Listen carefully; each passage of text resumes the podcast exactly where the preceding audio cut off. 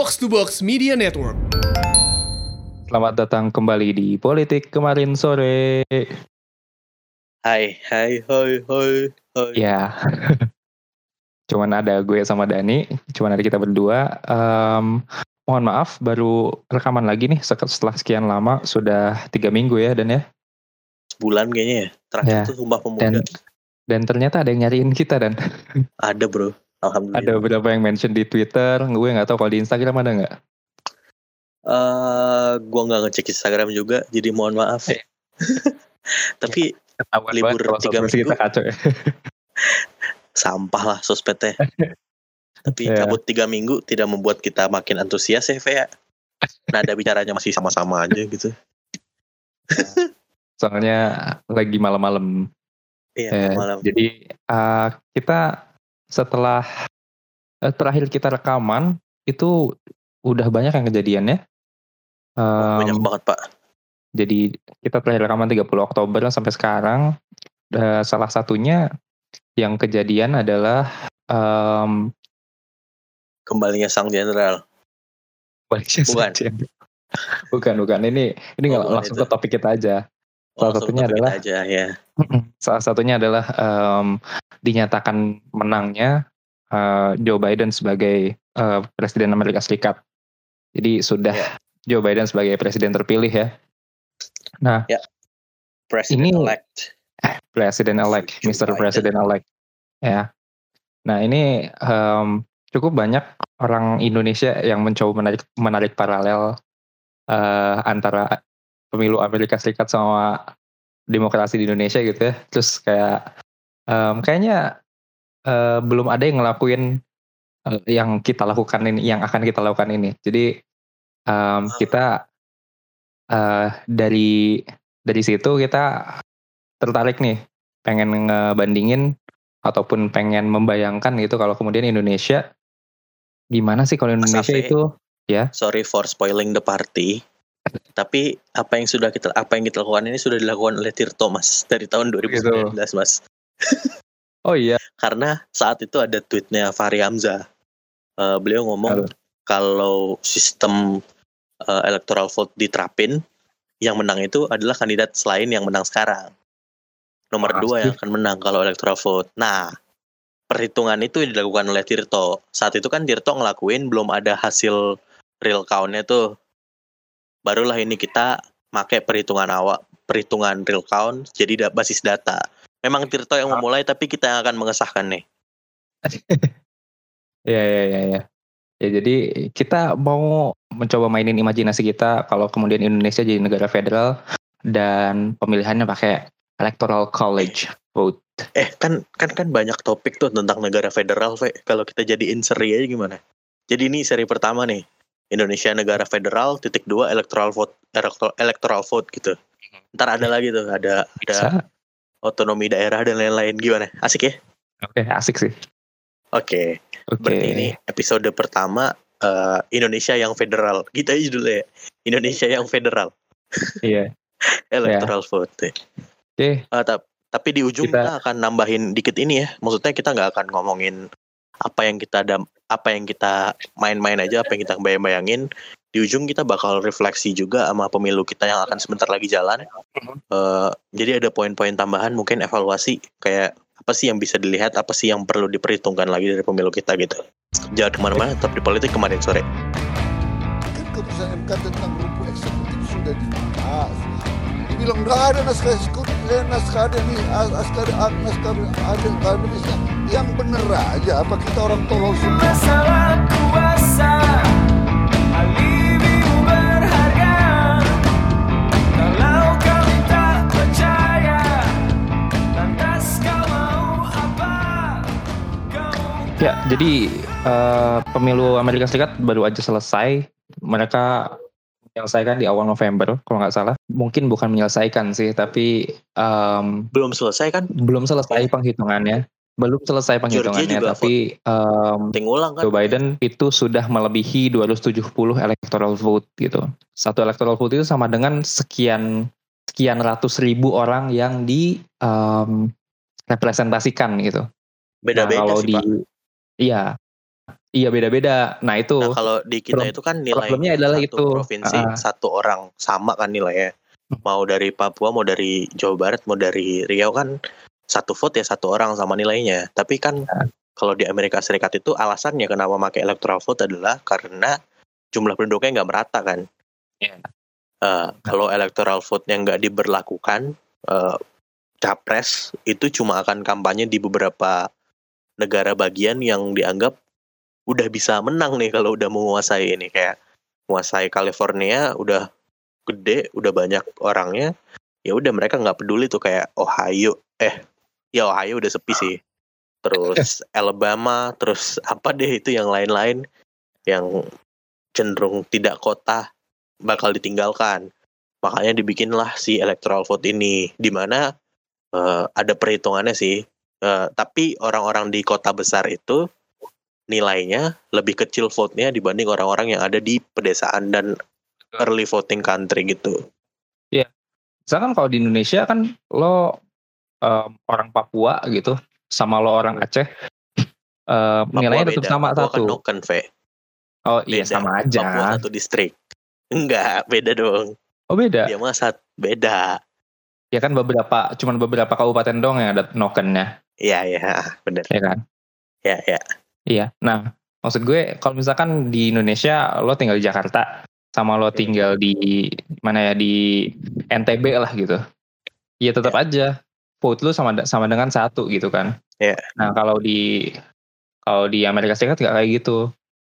Yang benar kata lo tadi, em, yang tinggal di desa, yang tinggal di dusun em, lebih besar suaranya sama daripada yang tinggal di em, kota gitu. Sebenarnya ini Sebenarnya- debut all debate ya, kayak Iya. kesetaraan versus keadilan gitu. Aha. Mhm. Yang satu Sebenarnya- people one vote one value, yang satu ya apa justice system gitu. Apa sih Amerika pilihannya? Pilihan katanya.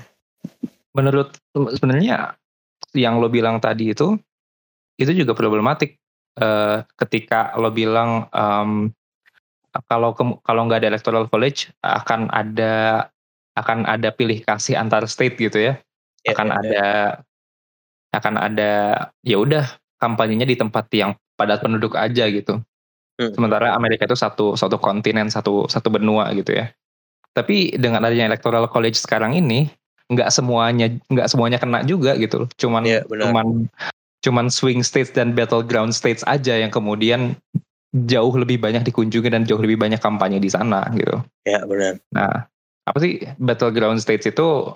uh, battleground states itu um, states uh, negara bagian yang um, penduduknya banyak, electoral college-nya banyak, tapi kemudian mereka tidak dominan repu- republikan atau tidak tidak dominan demokrat gitu. Jadi masih bisa swing ke kanan kiri dan kemudian mereka bisa jadi penentu siapa sih yang bakalan jadi presiden Amerika Serikat gitu. Nah, kalau kemudian kita eh, tarik di Indonesia ya, kan tadi em, Amerika Serikat kan satu-satunya yang head of government, presidennya itu dipilih oleh electoral college. Indonesia itu masuk ke 33 negara demokrasi yang presidennya itu kepala negara dan kepala pemerintahan Hmm. dan dipilih oleh pemilu langsung gitu. Tapi Indonesia kan pop- popular vote ya. Ya. Nah, ini ada data yang cukup menarik sebenarnya dari 2019 2019 kemarin. Jokowi itu menang di 21 provinsi. Ya. Prabowo Sandi menang di 13 provinsi. provinsi.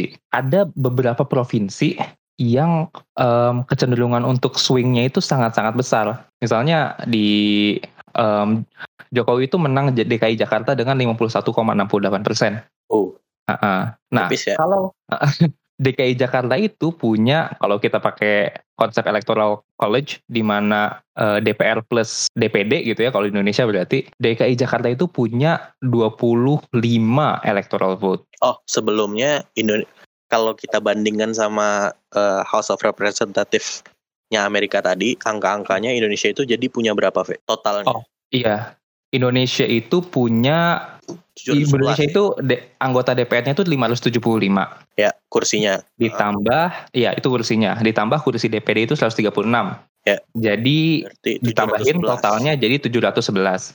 Heeh. Nah, em, untuk Menang. em, menang kalau kemudian electoral vote di iniin di Indonesia gitu ya.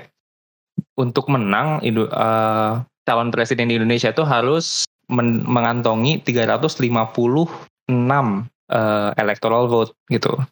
Jadi 356 em, representasi DPR dan DPD. V, tapi kan lo Iya. ngomongin tadi kan kayak masing-masing state itu punya punya apa ya? Gue bilangnya kayak punya nilai lah ya, kasarnya ya. Ya, Kayak ini ini kalau gue baca gue baca dari peta itu California gede banget ada 55 electoral vote.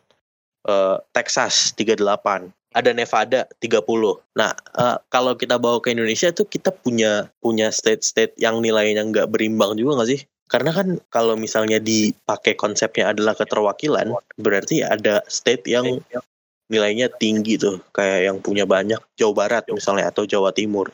Ya nggak sih? selain ada yang selain ada yang jadi battleground states, ada yang jadi stronghold juga. Stronghold Dan- apa?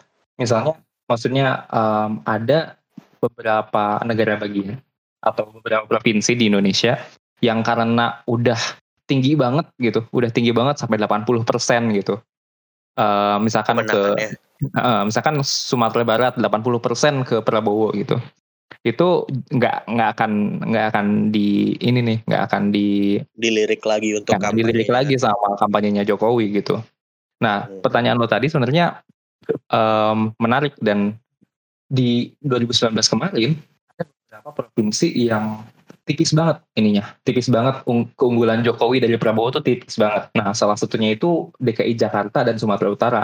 Nah, di DKI Jakarta dan Sumatera Utara ini lumayan kalau kemudian kita pakai electoral college sistemnya. em, Mhm. DKI Jakarta itu ada 21 DPR plus 4 DPD jadi 25.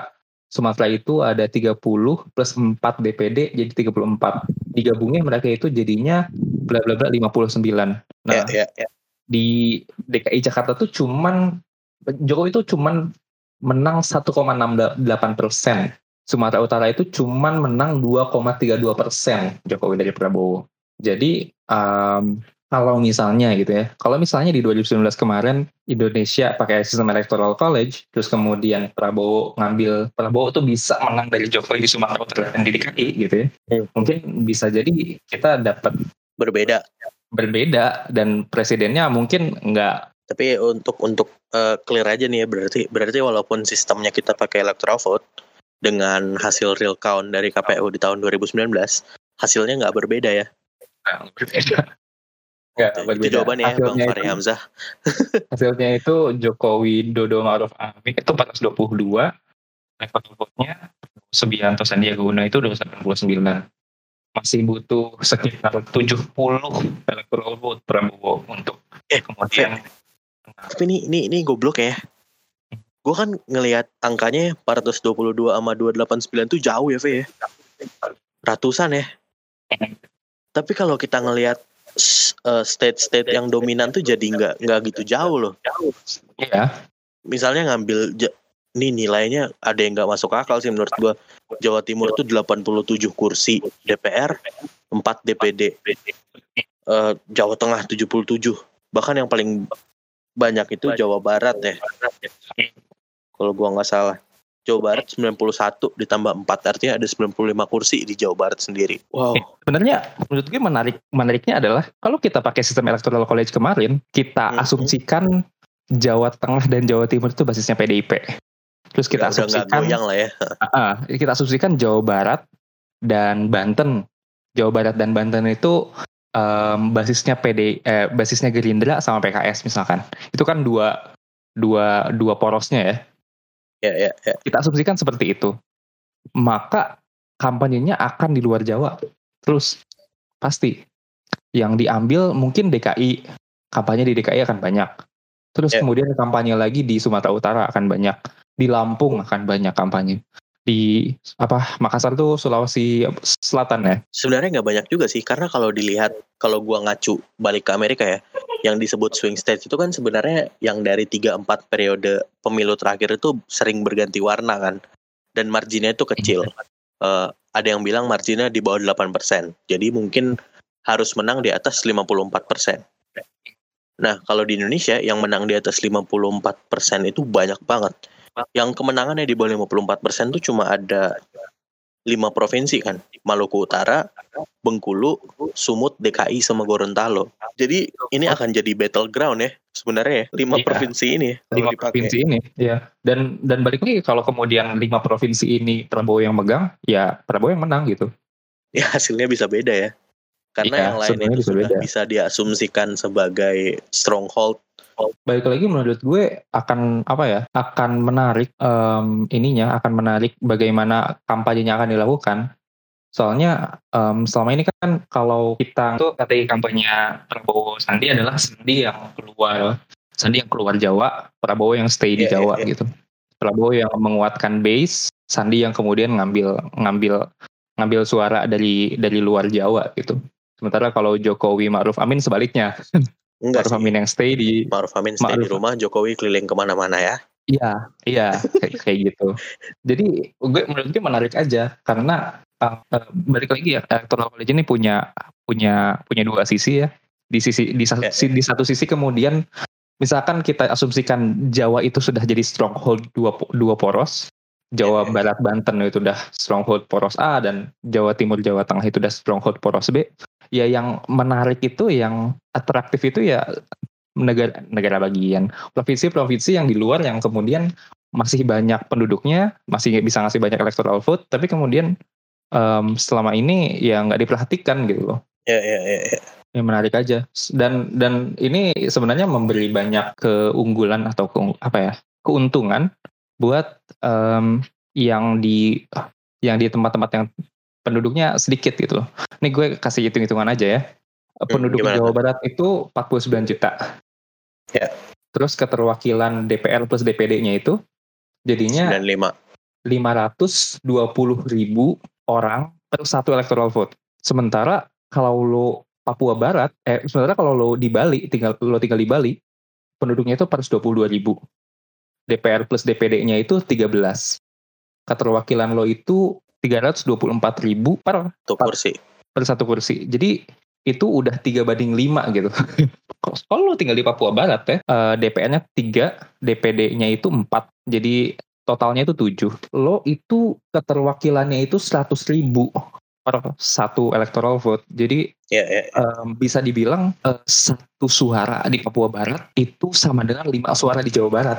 Ya, itu ya. yang kemudian ngasih keunggulan adil adil atau enggak ya, tapi itu ngasih keuntungan buat orang-orang yang di di tempat-tempat terpencil sebenarnya gitu. Ini yang kemudian ya di di Indonesia yang daerah T3, daerah tertinggalnya itu jauh lebih banyak, jauh lebih tertinggal te- apa T3 itu apa sih? Tertinggal terluar Terjauh. dan terdepan. Ya. Eh itulah pokoknya ya itu loh daerah T3 itu kemudian ya punya punya advantage dalam sistem demokrasinya gitu loh. Jadi itu sih sebenarnya. Em, jadi kesimpulannya kalau kemudian electoral vote di Indonesia itu diberlakukan, mungkin nggak akan Jawa sentris kampanyenya.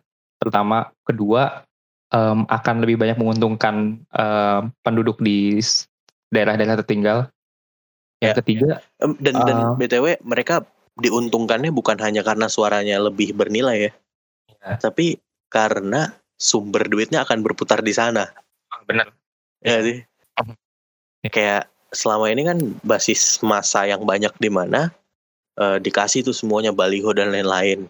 Oh, Ekonominya muternya di situ-situ aja gitu. Nah, tapi kalau diterapin nih si eh, apa sih tadi istilahnya electoral vote itu, maka negara-negara yang kayak lo sebutin tadi daerah T3 dan lain-lain itu akan dibanjiri iklan, dibanjiri orderan kaos, dibanjiri Ya, ya.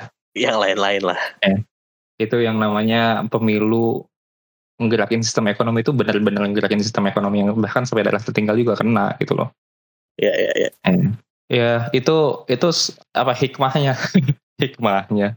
Cuman ya memang em, jadinya ada akan akan mungkin gimana ya akan lebih ter, terpecah aja nggak sih? Jadinya ada bagian Indonesia ini bagian Indonesia ini yang bakalan oh kelihatan banget nih bagian Indonesia ini dukung PDIP semua gitu. Bagian Indonesia ini dukung dukung Gerindra semua gitu.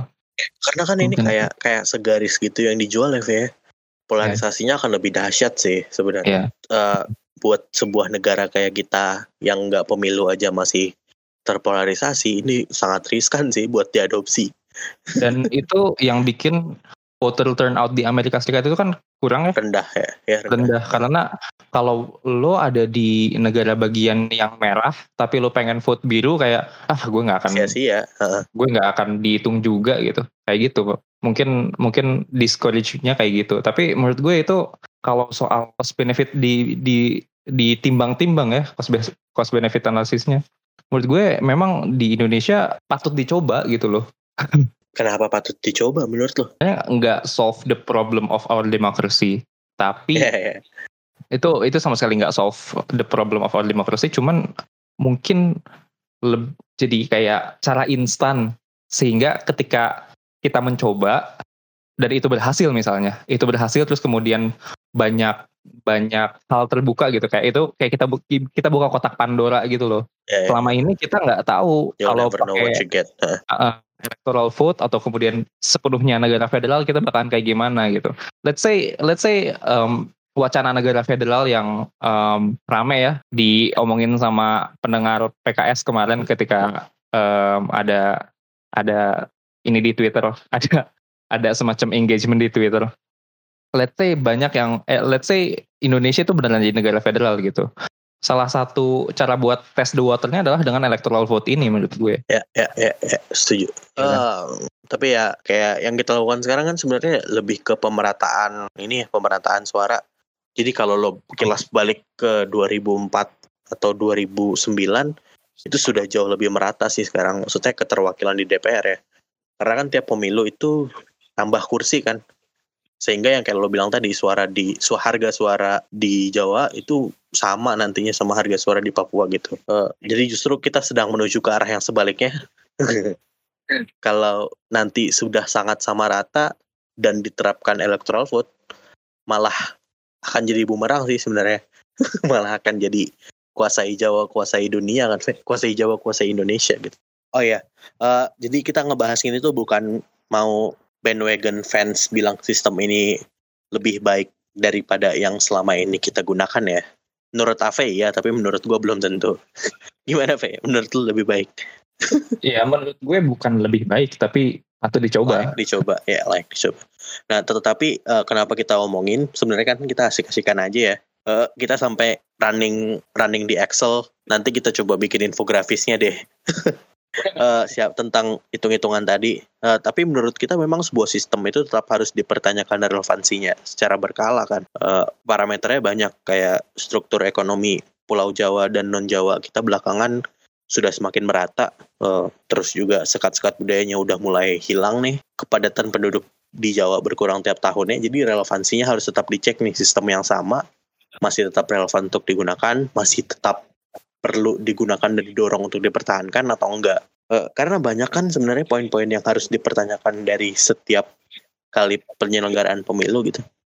Makanya tiap kali mau pemilu ada revisi undang-undang pemilu kan. Iya. Banyak kan sebenarnya yang bisa dipertanyakan.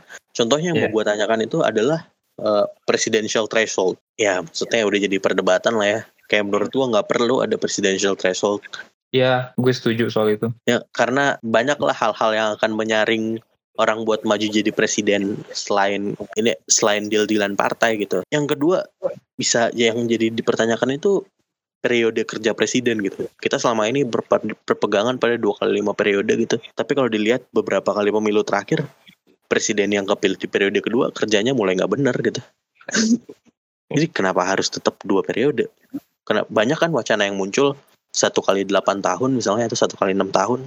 Kenapa nggak dipertimbangkan buat dipertanyakan gitu?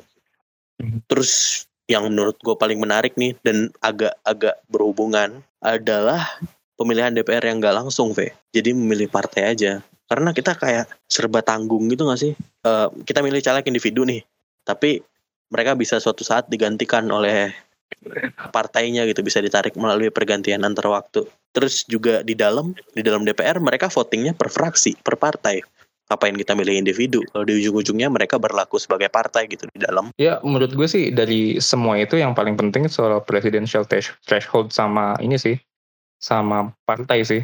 Ya, ya. Soalnya itu kan bikin kalau yang partai itu kalau kita nyoblos partai dong itu kan bikin kita sebagai pemilih itu mikir ini partainya tuh sebenarnya gimana ideologinya apa dan sesuai sama enggak sama kita gitu kan. Kita dipaksa Ya. untuk mikir itu bu, daripada cuma ngeliat oh iya ini gue kenal dia gitu. Karena kan nggak sekadar ketika udah di parlemen kan nggak sekadar oh gue kenal dia terus gue bisa akses ke dia doang. Kalau pada akhirnya ke ke fraksi-fraksi juga kalau setiap kali voting kan ya sama aja gitu loh. Ya, ya, ya, ya, ya. Tapi eh, kita tadi ngomongin banyak tentang electoral vote belum sebenarnya belum 100% benar apa yang kita omongin karena banyak faktor penyebab swing state ya. Di kita mungkin bisa dibilang ini yang stronghold beda-beda karena partai pengusungnya juga bermacam-macam. Yang bisa jadi patokan mungkin cuma Jatim sama Jateng. Sisanya partainya ya kalau koalisi sama yang Jatim sama Jateng jadi nggak ada tuh wilayah dua basisnya kan. Ya, itulah kenapa kita pakai hasil 2019 kan karena 2020 Ya,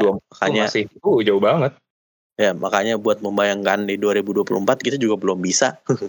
Karena nggak ada nih stronghold-nya mana, battleground-nya mana, swing state-nya juga kita nggak punya. Tapi kalau berkaca di 2019, itu dia hasilnya. Eh, nanti kita akan keluarin Excel-nya dan infografisnya di Twitter dan Instagram. Eh, Mantap. ayo teman-teman sama-sama ributin di Instagramnya @p kemarin sore, Twitternya juga sama @p kemarin sore. Oke. Gua Dani sama Ave pamit ya. Terima kasih sudah mendengarkan. Assalamualaikum warahmatullahi wabarakatuh. Thank you.